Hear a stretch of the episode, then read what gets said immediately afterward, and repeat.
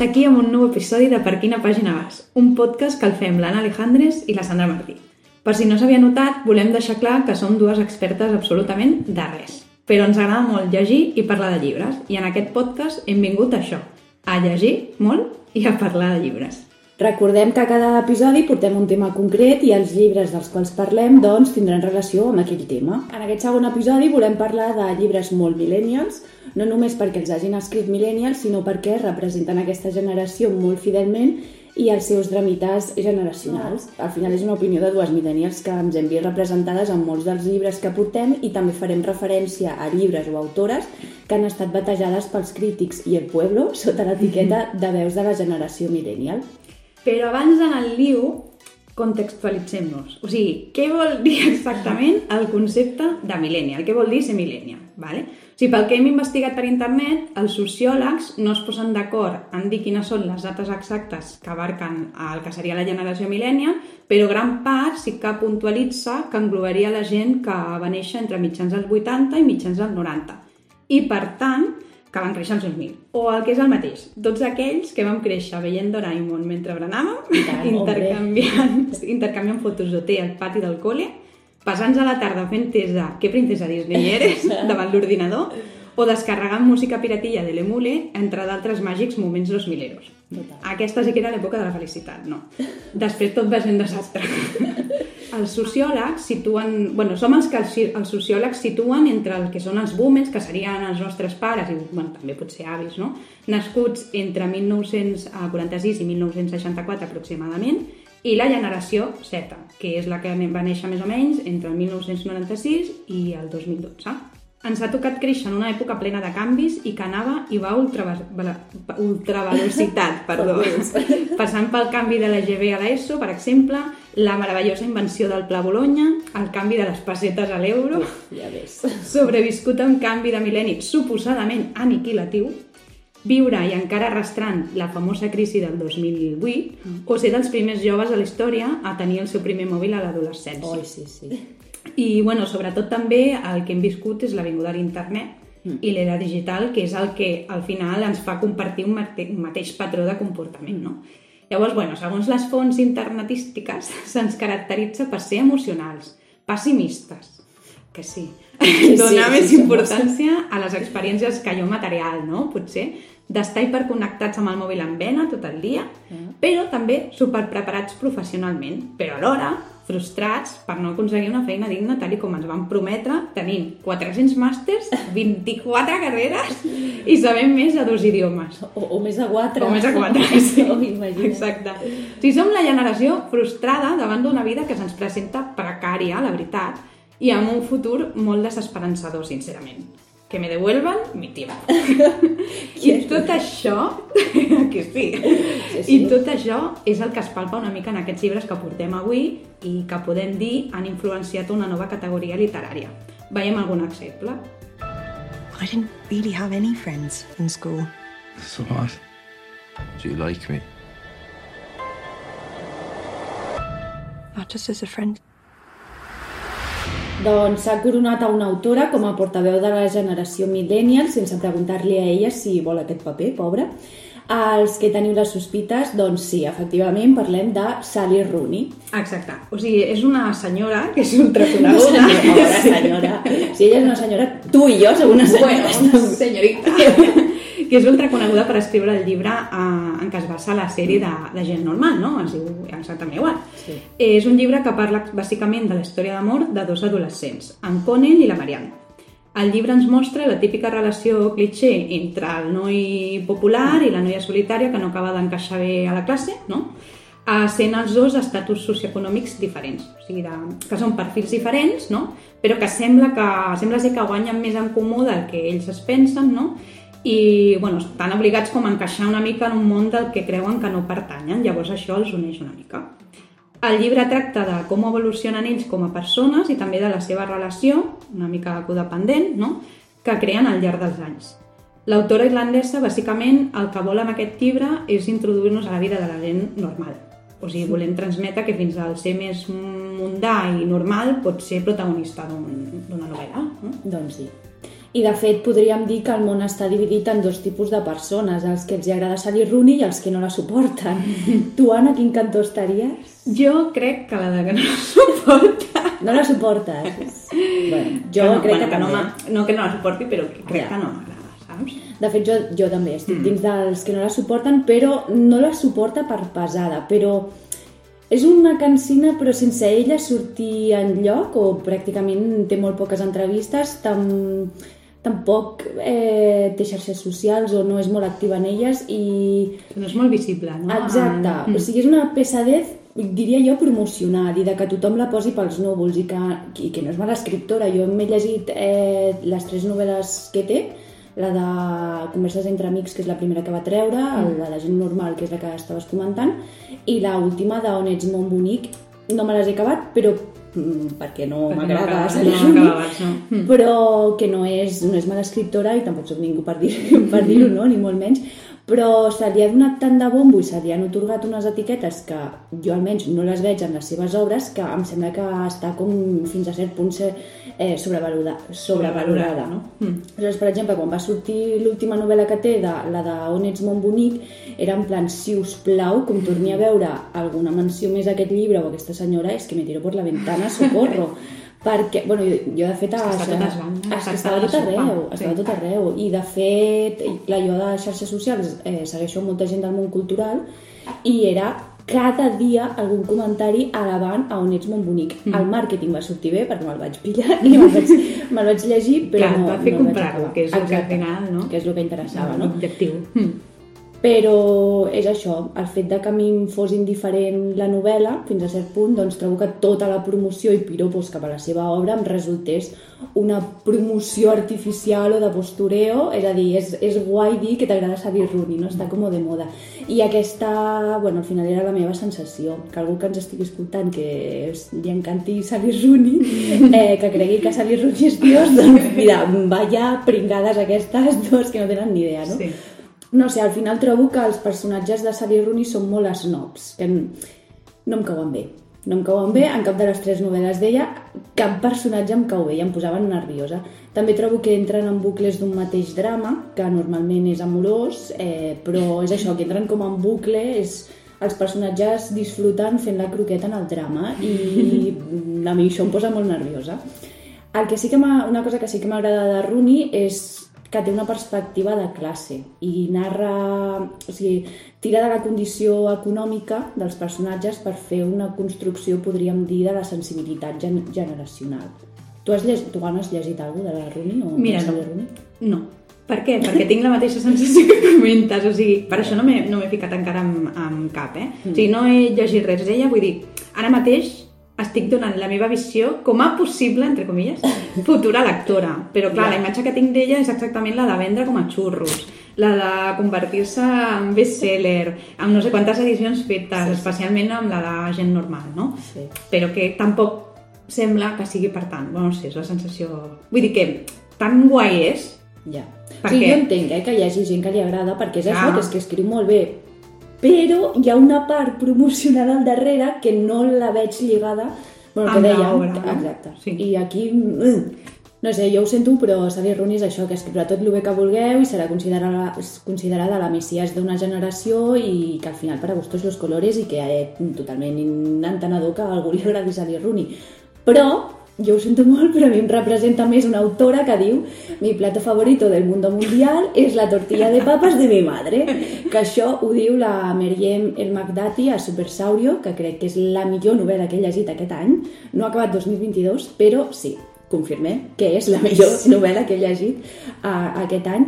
I hi ha moltes situacions o reflexions que pensava en quin moment he escrit un llibre. Meriem m'ha posseït i no m'he enterat. I hi havia molts, moltes frases que eren en plan soc Sí, jo literari, que això de soc jo literari també és molt millennial. Sí, sí, és que totalment, o sigui, totalment comparteixo 100% que és una de les millors novel·les que, que he llegit aquest any també. Però és que, a veure, senyores i senyors, o sigui, agafin paper i boli i apuntin aquest títol, per favor, lo pido, per regalar als millennials més pròxims a aquestes festes. O sigui, Bueno, i els no millennials és que per tothom... Bueno, sí, però, per tothom, però, clar, sí. sobretot pels millennials és que t'agrada Sí, sí. moltíssim, perquè Sí. és tal qual. O sigui, Supersaurio tracta sobre la vida de l'autora canària, eh, la Mergem, crec que es diu Mergem, no? Meriem.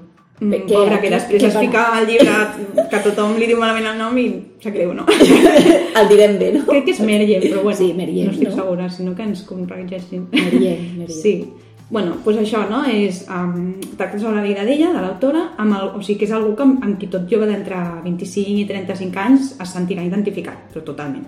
O sigui, a través d'un escrit que és com que alterna, és com una espècie de diari, no? I va alternant amb els fanfiction que fa ella, que és Sí. boníssim, us sembla resta. Llavors ens fica una mica en les seves decisions, en els pensaments, en les, fates, en les fantasies que té, no? A transmetent-nos les, les bufetades de realitat que li dona la vida.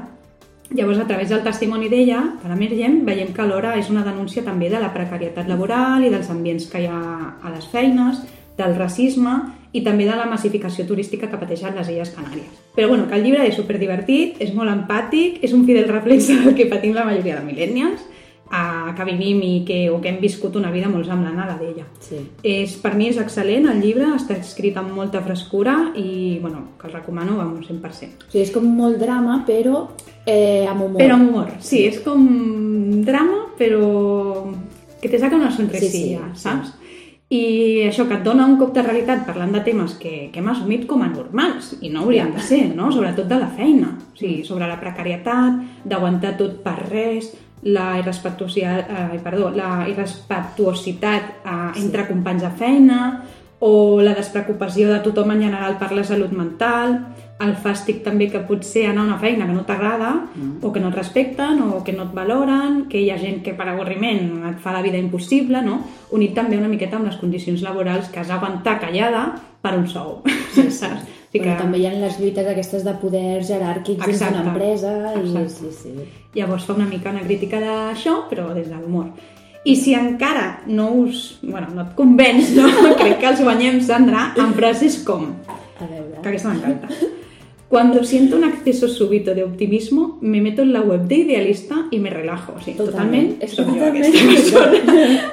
és boníssim. Sí, sí. O una altra, per exemple, eh, que és molt bona també, diu Una vez comienzas a acercarte a la treintena, hay una parte de ti que se apaga de forma paulatina. No eres capaz de determinar cuándo comenzaste a ser otra persona, pero sabes que has cambiado. Dejas de entender a los adolescentes y tu móvil se convierte en tu enemigo. El fueguito que se te enciende de joven se empieza a apagar. Te haces adulto, te vuelves gris. Solo es una teoría. També. Confirmem. Confirmem frases, sí. Sí. És que no vull que la gent l'agafi amb expectatives superaltes. Sí, sí, que ho faci. Que sí, Que sí. però no, però que corri a comprar-ho.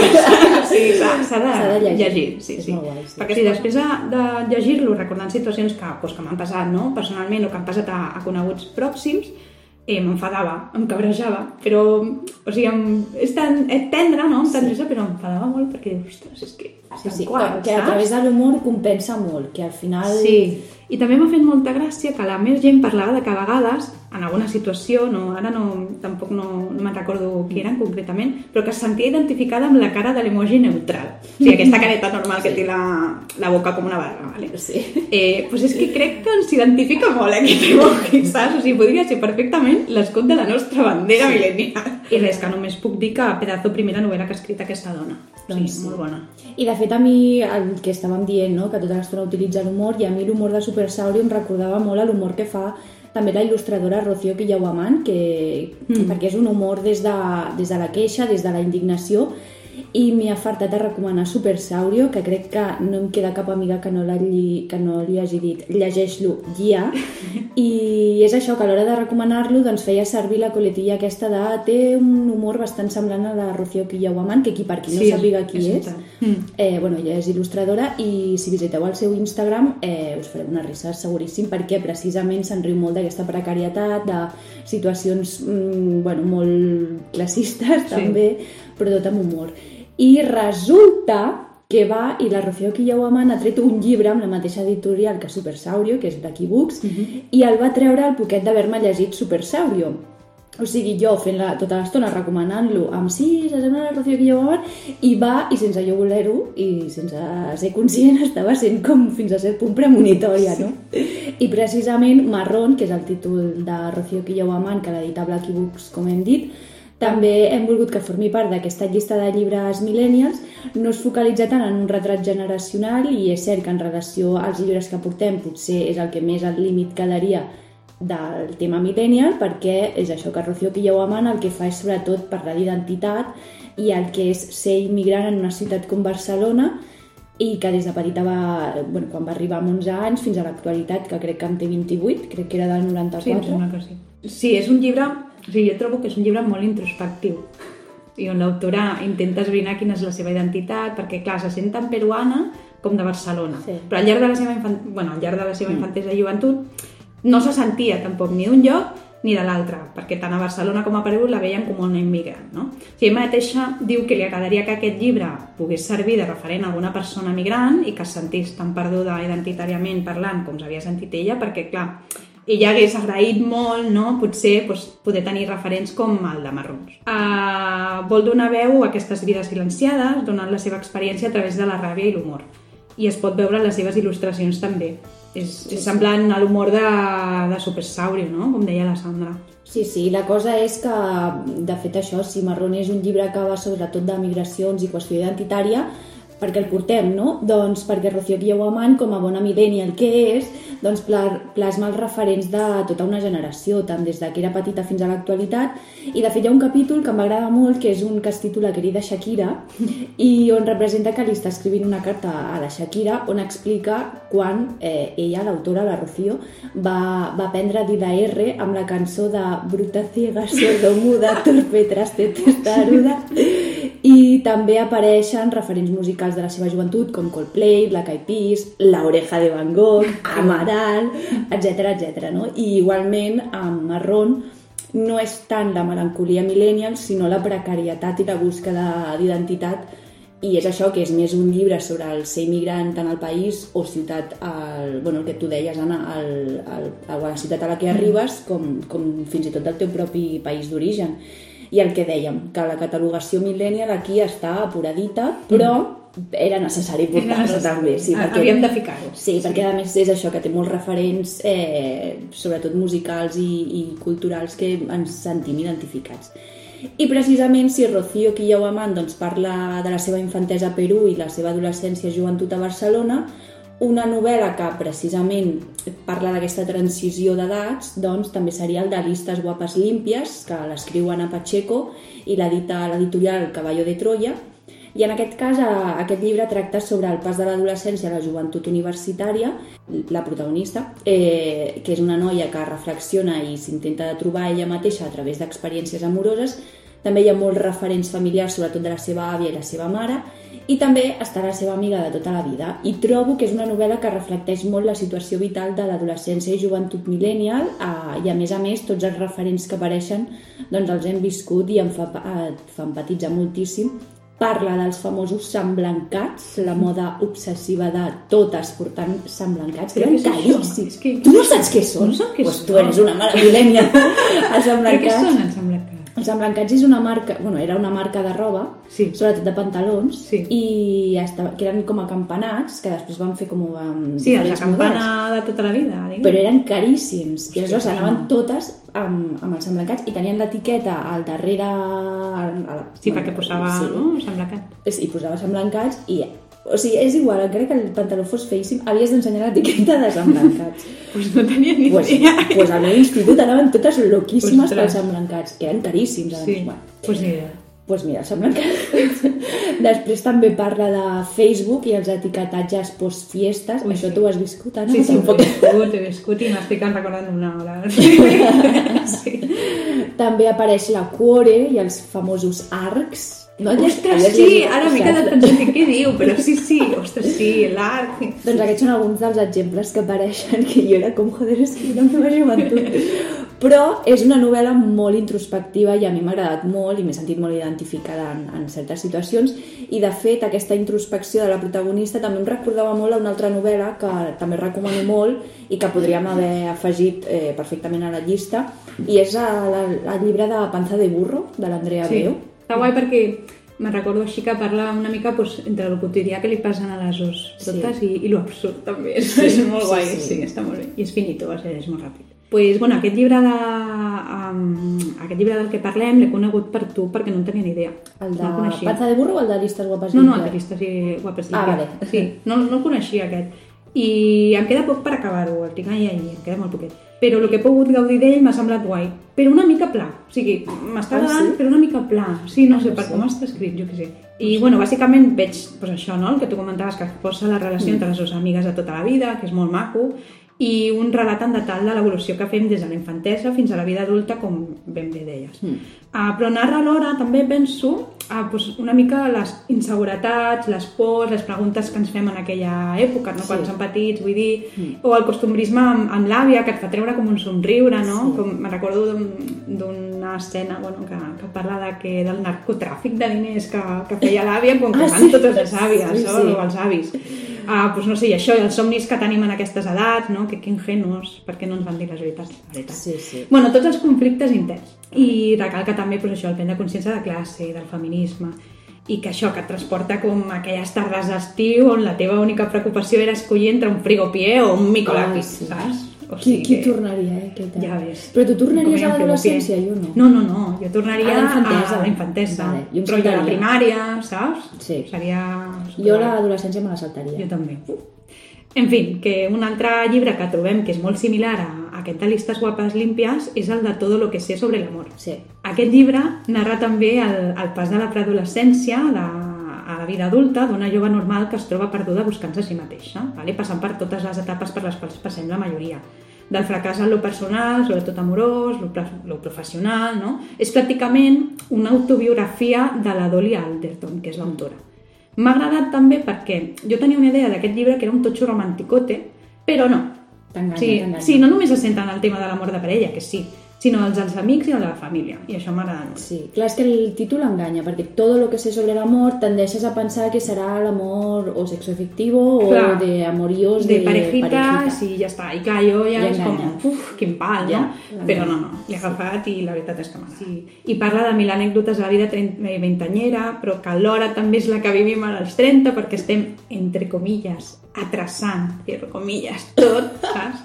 I res, que és un llibre amb el que rius molt. M'agrada el missatge que al cap i a la fi eh, vol llançar i és que t'has d'estimar tu mateixa, sola Sí. i ser autosuficient.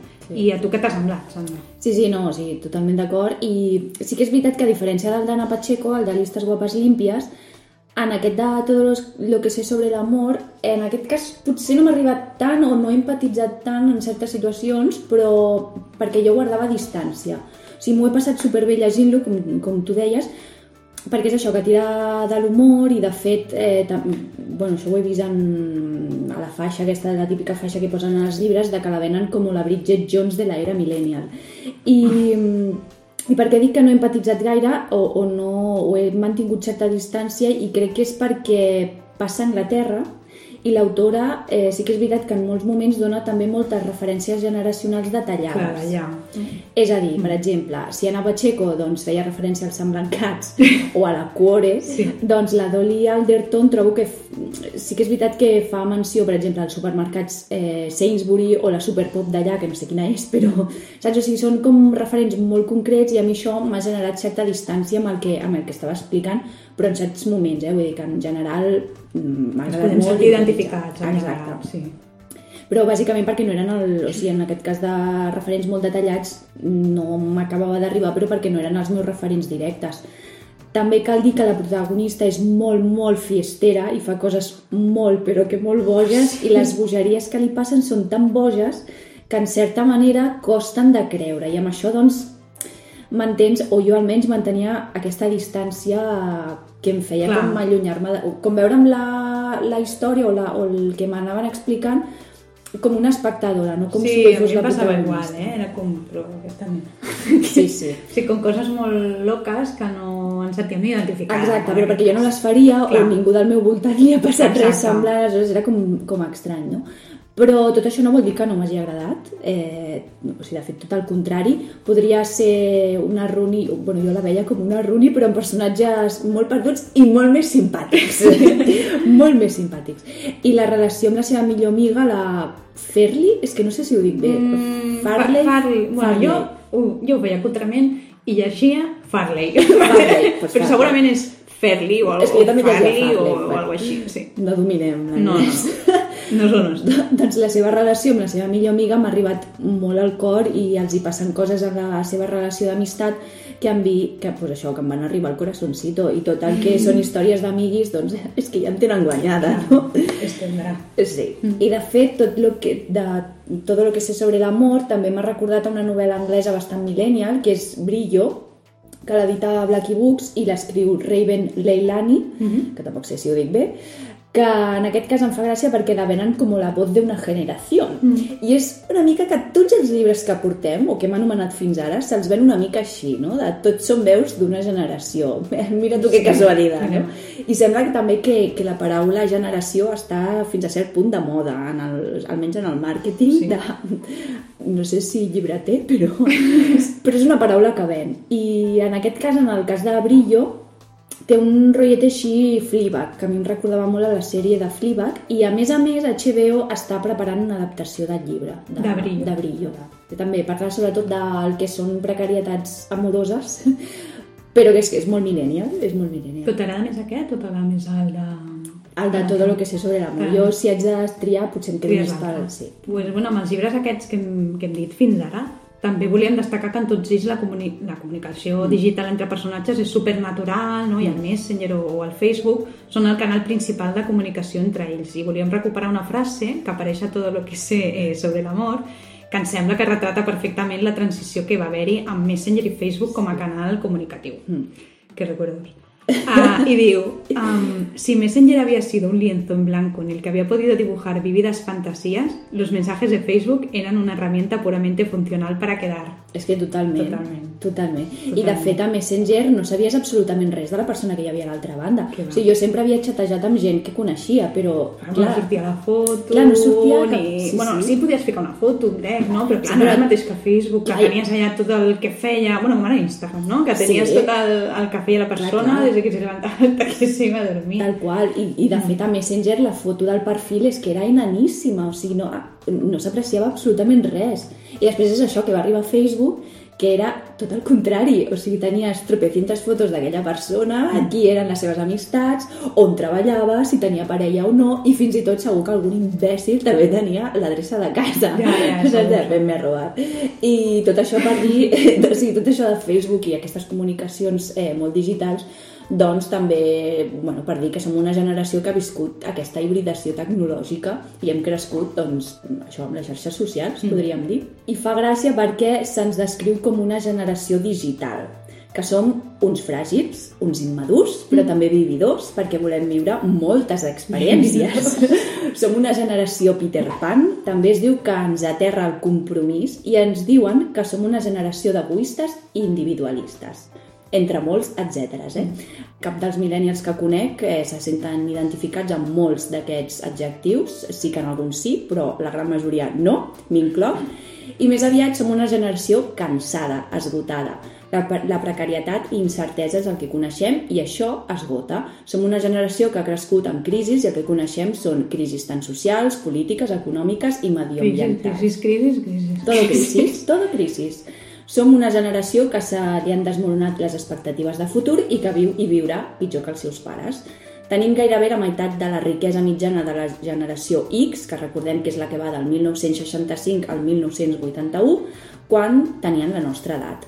Actualment, el 22% dels joves entre 25 i 35 anys estan en risc de pobresa, que és un increment del 3,7% en els últims 10 anys. Tampoc podem accedir a l'habitatge. Abans de la crisi del 2008, el 75% de les persones entre 30 i 40 anys eren propietàries i els índexs de natalitat s'estan desplomant. Oh, no m'ho explico! Quina sorpresa! I, tenim. I a més també tenim una salut pitjor, sobretot mental, que els nostres antecessors. El que som és una generació cansada. És que ja no sabem com Totalment. dir-ho. Cansats estem. I encara diran això de que som uns vividors, Claro, ah, som uns queixant-nos. bueno, en fin. Vinga, hombre. Però bueno, que, que no podries haver dit millor, eh? Que queda prement, però que és cert. o sigui, tots aquells que diuen que som una generació vaga i del mínim esforç, no? Eh, jo crec que potser confonen conceptes. Bàsicament, no? I més que gandoleria ens estem referint a la fatiga. Sí. I precisament de la fatiga millennial eh, en parla estupendament l'Eduard Espluga, el seu llibre No siguis tu mateix, editat en català per Destino. Sí. L'autor el que fa és com una radiografia filosòfica i d'assaig sociològic de la generació millennial, no? a través de la seva experiència, també la d'icones populars i exposant una miqueta fets quotidians. Ens fa pensar i entrar una mica en debat per intentar evitar l'automolició. I, bueno, que, clar, també el que fa i recalca és que, bueno, els nostres iaios ho van passar malament, sí, sí. I no diem que nosaltres ho estiguem passant pitjor, però simplement ho estem passant malament d'una altra forma. Ara estem a l'extrem. El no saber què fer amb la nostra vida cada dia i, i hora, no?, ens porta a un estat de dubte i ansietat perpètua. I, bueno, que som una generació desencantada, cansada d'estar cansada. Exacte. I la Dual parla de, també del capitalisme brutal i digital que estem patint, de lo sobreexposats que estem a un discurs d'autosuperació, de ser contínuament hiperproductius, que si no produeixes, doncs no és res, no? De treballar com a forma de viure acceptada, o sigui, la construcció de les identitats no? lligada a lo laboral. Però vull dir, vull dir, estem bé que el primer que li preguntem a una persona quan la coneixem és de què treballa i la resta m'importa un pebrot. Saps? És com que Ja, hi ha l'etiquetes, no? I, bueno, parla una miqueta d'això, també de, de l'explotació a la que ens sotmetem a nosaltres mateixos dintre d'un sistema que ens fa encarar-nos en això, no? que, que ens exprimeix per ser perfectament productius i també contra el mandat de la felicitat absoluta. Intenta, per tant, doncs, donar idees a, de com ho podem solucionar de forma individual, evitant apuntar els problemes estructurals de la societat. I, bueno, ja per acabar, i perquè no se'ns quedi un regust amarg de tot el drama que hem estat explicant, no? Perquè sí, sí. Uh, també m'agradaria destacar un llibre que és el Cachondeo, que és del record, de passar un rato divertit, ideal per regalar, que sembla el corte inglès avui, que és el de Nostàlgia Millennial. Vale? És el llibre que ha tret aquest, aquest any passat la misteriosa persona que hi ha al darrere del perfil del perfil d'Instagram que es diu Nostàlgia Millennial. Ah, és anònim, eh? Sí, no Ah, se no sap qui sabia, és, no no, se sap si és noi, si és noia, no se sap. No sé saber. Eh, bueno, i que és el Millennial, cap... millennial serà, no? Entenc. Bueno, entiendo que sí. I bueno, que és el cap, s'ha de dir, d'una de les millors comunitats d'Instagram. És que tu el segueixes? No, no, no, no. Pues ya que no sé què haces, ja, Ja, ja no el segueixes. No, ara el És seguiré. boníssim.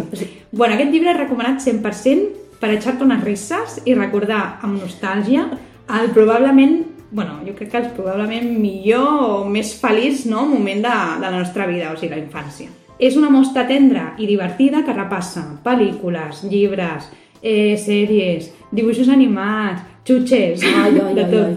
música, joguines, etc. Ai, me'l O sigui, tot el que se't passi pel, pel cap d'aquells moments Es- eh, està allà, sí. Oh. O sigui, de, de, tot d'aquests moments en què el major problema que tenies era escollir entre quin VHS ficar, saps? o que se't mori el Tamagotchi, jo què Ai, sé, sí. saps? O sigui, és molt guai. Ai, és com una càpsula del temps que es nota que està feta amb carinyo, on fa referències pues, a los Simpson. Eh, els primers vídeos virals a l'època, com els missatges aquells de la niña de l'exorcista, te'n recordes que No. deia? No me digas que no, mira, t'enviaven un Tu no sabies que eren els emblanquats. sí. Uh, t'enviaven un missatge pel, pel... Bueno, t'enviaven com un correu. Sí. I llavors era un vídeo o eren imatges en plan sigue este punto. Busca Ai, este no, punto. i et feien el susto. Clar, i et feien el susto al final. No, no una agrada, niña no. de sortista, Ai. al final. Ai, no. O els nens del Ding Dong Dong. Ah, sí? Sí, Sí, sí, sí. Jo estava pensant en algú de no. Sí, sí, no? sí, sí. Les hermanas del baptisterio, per Sí, exemple. que o la... boníssim. Tengo les- muchos quereres, Sí, també. o també la lista, la de la lista. Però aquest era, però aquest era jove, era Jo crec que era més gran. Jo sí, crec oi? que era ja... Jo anava a batxillerat, em sembla. Jo crec, sí, jo crec que Em igual. que sí. O les veïnes a València, les de la bolsa a la cabeza. És veritat! O sigui, tot, vamos, història d'Espanya, saps? I, bueno, si ets millennial, recordaràs totes les dades que dona. Sí que potser m'hagués agradat que hagués fet com més anècdotes, ja que al final sembla com una numeració de coses, saps? Mm, ja. Però bueno, vull dir que, que falten cosetes, però que ja podem veure que, que ara les llibreries acaba de treure la segona part Sí. i que ja li va bé perquè així li dona per comprar-se uns guants nous, que qui el segueix agafarà la broma. Tu no l'agafes, No però... l'he pillat, no. ja la bueno, seguiré. Ara, follow, vinga, ja l'he dado a follow. Sí. Voy a seguir. a I seguir. bueno, que tampoc us espereu que sigui el millor llibre del món, però està guai perquè mostra mil imatges a color sobre moments genials de la nostra millor època, potser. Clar, perquè, eh, no sé si ho has dit, però és novel·la o és, o és còmic? Eh, a veure, no és novel·la, però tampoc és còmic. O Ah. sigui, és com una... Ja et dic, és com una numeració d'unes llistes de les coses de la nostra època, de Vale. record. O sigui, te't va explicant, doncs, per exemple, va per apartats, no? Una de pel·lis. Les pel·lis de la nostra època, doncs Titanic, les de Disney, i te les va com recordant així Vale. en clau d'humor. Està, xulo. Vale, vale. No és Ah, novel·la. doncs mira, aquest també de gust, Sí, sí. sí. Doncs, de, bueno, ara a mi m'agradaria posar en comú eh, de tots els llibres que hem anat parlant, m'agradaria perquè jo he trobat coses que tenen en comú. mira. no sé si tu també ho has Sí, he anat trobat un veient. parell de coses també. De fet, eh, no sé si és casualitat, però molts dels que portem tenen les portades així com rosites o liloses. Sí, és veritat. Bueno, no tots, però sí que hi ha uns quants que són com alilats, no? Sí, I... sí, i no sé si serà la representació millennial, perquè de fet, si tu busques la definició d'aquests colors, cada color té com una definició. i Sí. tal. Doncs representant aquests colors lilosos i roses són com delicadesa, eternitat. Ens voldran dir alguna cosa? No sé. Sí, potser és la marca millennial, no sé. I Tam- l'emoji de la cadeneta. I també hi ha poqueta cosa en català, que, sí, Sí, que serveixi, serveixi d'avís, Això això. Uh, també hi ha molta autora, que ho Sí. celebrem. Això molt bé. ho celebrem. També hi ha... Jo crec que els temes que millor ens representen i que hem anat repetint i repetint i repetint en tots el llistat que portem és que eh, són la precarietat laboral, les relacions amoroses també força precàries i les amigues que jo aquest últim me'l celebro perquè no sé, mira, és, el trobo molt cuqui. Una altra cosa també que, que he vist que comparteixen tots ells, de ficció en aquest Sí. sí. cas, és que hi ha un personatge secundari, un secundari que tenen en comú, i és l'alcohol. Sí, sí No? jo també ho he vist, això. O sigui, en, en alguns més que d'altres, però que està molt present i, i no com... O sigui, no com un adorno sin importància, no? Sí, sí. O sigui, podríem dir que és un personatge més. Sí, sí. O sigui, que els millennials són tots uns borratxos sí, sí. i potser caldria escarbar una miqueta que igual acaba havent-hi overbooking d'alcohòlicos anònims. Però sí, és el que dius, que en els moments on apareix l'alcohol, jo, almenys jo també, són moments que jo normalitzava, que em semblava que sí, que, Sí. que passa, i que, per exemple, són situacions que van des de veure en, en festes o, o en societat, però el que he vist és que quan els personatges s'emborratxen o simplement estan bevent alcohol és realment perquè no estan bé anímicament, o sigui, no estan bé. I aquí també potser és un punt que hauríem d'analitzar. Eh? Perquè, Pues sí. bueno, però tot el que dèiem també de que la nostra salut mental pues, sí, també és bastant Ja està precària. tot barrejat, no? Exacte. Bueno. Trobo també que un altre tret comú que tenen tots els llibres que hem anat, hem anat portant és que són rapidets de llegir. Jo trobo que amb tots els que portàvem eh, també són com molt acció, acció, acció, acció, no tan literaris, no tanta prosa o superelaborats, amb descripcions superpoètiques. I aquí potser també entra el fet de que es diu que som la generació de la immediatez. Sí, això I- t'anava a dir, que és com, som els millennials que volem tot, ja, ja, ja, ràpid, ràpid, ràpid, ràpid. impacients amb aquest, Sí, aquesta descripció sí que la compartiu, no? I ja no només perquè les autores eh, són millennials, sinó també pensant en els lectors i les lectores. O sigui, jo tinc amigues que sé que segons quins llibres no els llegiran perquè han de llegir coses ràpides, lleugeres. No és una qüestió de que no els hi agradi llegir, sinó perquè no tenen les, la concentració per fer-ho ni el temps. Mm. I a mi m'ha passat de llibres amb una narració o estils superpoètics que se m'han fet bola. I potser tenia moltes, moltes ganes de llegir-los, però és això que estic veient que cada vegada m'agraden més llibres directes, que van al grano. I potser també per una qüestió de, de temps. De temps, sí. I això, i que si veig que amb aquest llibre estaré dos mesos per llegir-me'l, doncs m'agobio i xao, saps? El deixo. I aquesta cosa de narració directa, eh, bastant picada i no tan poètica, potser és un estil narratiu, aquí ja estic fent teories i reflexions meves sense comprovar absolutament res, no? Però que potser també és un estil narratiu característic d'una generació, en aquest cas la millennial. No sé si tu, Anna, creus que hi ha estils per cada generació? Jo crec que sí. Sí. Jo crec, o sigui, sé, sé, sé què vols dir i penso que sí. Per què? Pues perquè al final les escriptores, no? O les, bueno, les escriptores i escriptors són semblants, mm. han viscut circumstàncies semblants, educades en un ambient similar, no? i una societat similar, i que per aquesta regla de tres han d'escriure i expressar-se pues, amb un estil similar, no? Per tant, sí, jo crec que sí. O sigui, ho, podem veure, jo crec, si tornem enrere al segle XIX, per exemple, Sí. l'Austen, l'Elisabeth Gaskell o les Bronte, que Sí, sí, sí. Ai, hi ha és una substant, una essència no? Que, que tenen, sí que podem extreure d'allà, jo crec, un estil narratiu semblant. Jo també he vist, llegint els llibres, que um, no deixen de ser, en realitat, o sigui, hem exposat relats que són molt euroamericans, que Sí. hem de tenir-ho en compte, això. Sí. No? Tot el tema de la meritocràcia, la precarietat laboral, eh, que anàvem a viure millor que els nostres pares, però no, de com funcionen les relacions, no? i crec que això ho hem de tenir en compte. Sí, sí. I Bueno, també... que al final són visions molt occidentals. Clar, que- exacte, sí, sí. és molt per això, no? Més d'Europa, de... Sí, i que és una realitat Amèrica. generacional Mm. occidental, Exacte. per enganyar-nos. Sí, sí. I també mm, volia reflexionar sobre que, clar, o sigui, són llibres que han sorgit en els últims anys, tots. Sí. Vull dir que hi ha com una patent moda per desfogar-se per part dels millennials, no? mitjançant això, recordar vells temps, no?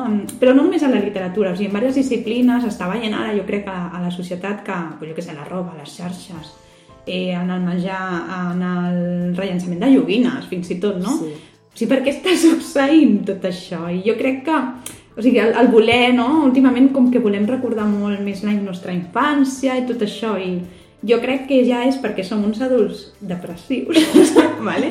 perquè estem malament, no? I estem fins al papo ja de tot.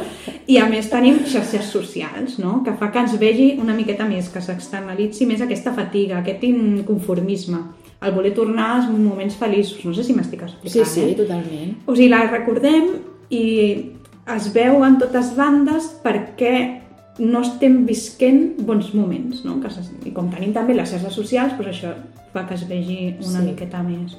A més, m'havies de veure fent el guió de... d'aquí, del, del capítol Que aquest. estaves plorant. Es, no, estàvem Quiero menjant... a Doraemon. Pues mira, pues mira, vindria Sí? menjant bombons del Nestlé Jungli, no sé si recordes, sí, sí, i escoltant els Backstreet Boys. I també pues, que la meitat dels llibres dels que parlem té un pes molt important, l'amor, no? que ja tu també ho deies abans, Sí. que, que per què no? estem frustrats en aquest aspecte. Podem dir que la idea que ens han ficat a, al cap des de petits de l'amor, juntament amb les maleïdes pel·lis Disney, ens ha tornat tarumbes en aquest aspecte de la vida? Sí. Confirmamos. Confirmamos. Confirmem que sí, no? Exacte, sí. Doncs sí, sí, o sigui, tot això són els aspectes que hem trobat en comú en tots els llibres que portàvem, que és això que dèiem, que re- creiem que, que reflecteixen molt la generació millennial. I per acabar amb aquests dramites millennials, doncs volia, volia llegir un fragment de la novel·la de la Victoria Martín, amb el títol de Se tiene que morir mucha gente, que trobo que seria un resum perfecte de la precarietat generacional en la que vivim els millennials i un resum perfecte de tot el que hem parlat en aquest segon episodi de, de Per quina pàgina vas. El fragment en si diu Había aceptado de forma natural que eso es lo que nos había tocado. La mediocridad, IKEA, la vida práctica y fácil pero deprimente, Mercadona, ser pobres pero despreciar esa realidad porque no nos hace sentir cómodos, profesionales en ficcionar nuestras vidas, preocupados por apuntarnos a Bodipam, comprar en Uniclo, veranear en Zahara más que en el hecho de que, nos lleguemos, de que no lleguemos a fin de mes. A nuestra generación se nos vendieron la pantomima esa de que íbamos a conseguir nuestros sueños, pero creo que nosotros no sabíamos muy bien qué sueños eran esos. Aún así, pretendíamos tenerlos para sentirnos mejor. Los sueños son la gasolina del control social. Los humanos no tenemos sueños. Queremos vivir tranquilos haciendo lo mínimo i punto. I bueno, que és, és això, que és un fragment que crec que rep representa molt bé tot el que hem anat dient, aquesta precarietat a tots els sentits i que i que no calia portar-la com a resum de, de l'episodi. Pues res, hasta aquí la precariedad de hoy.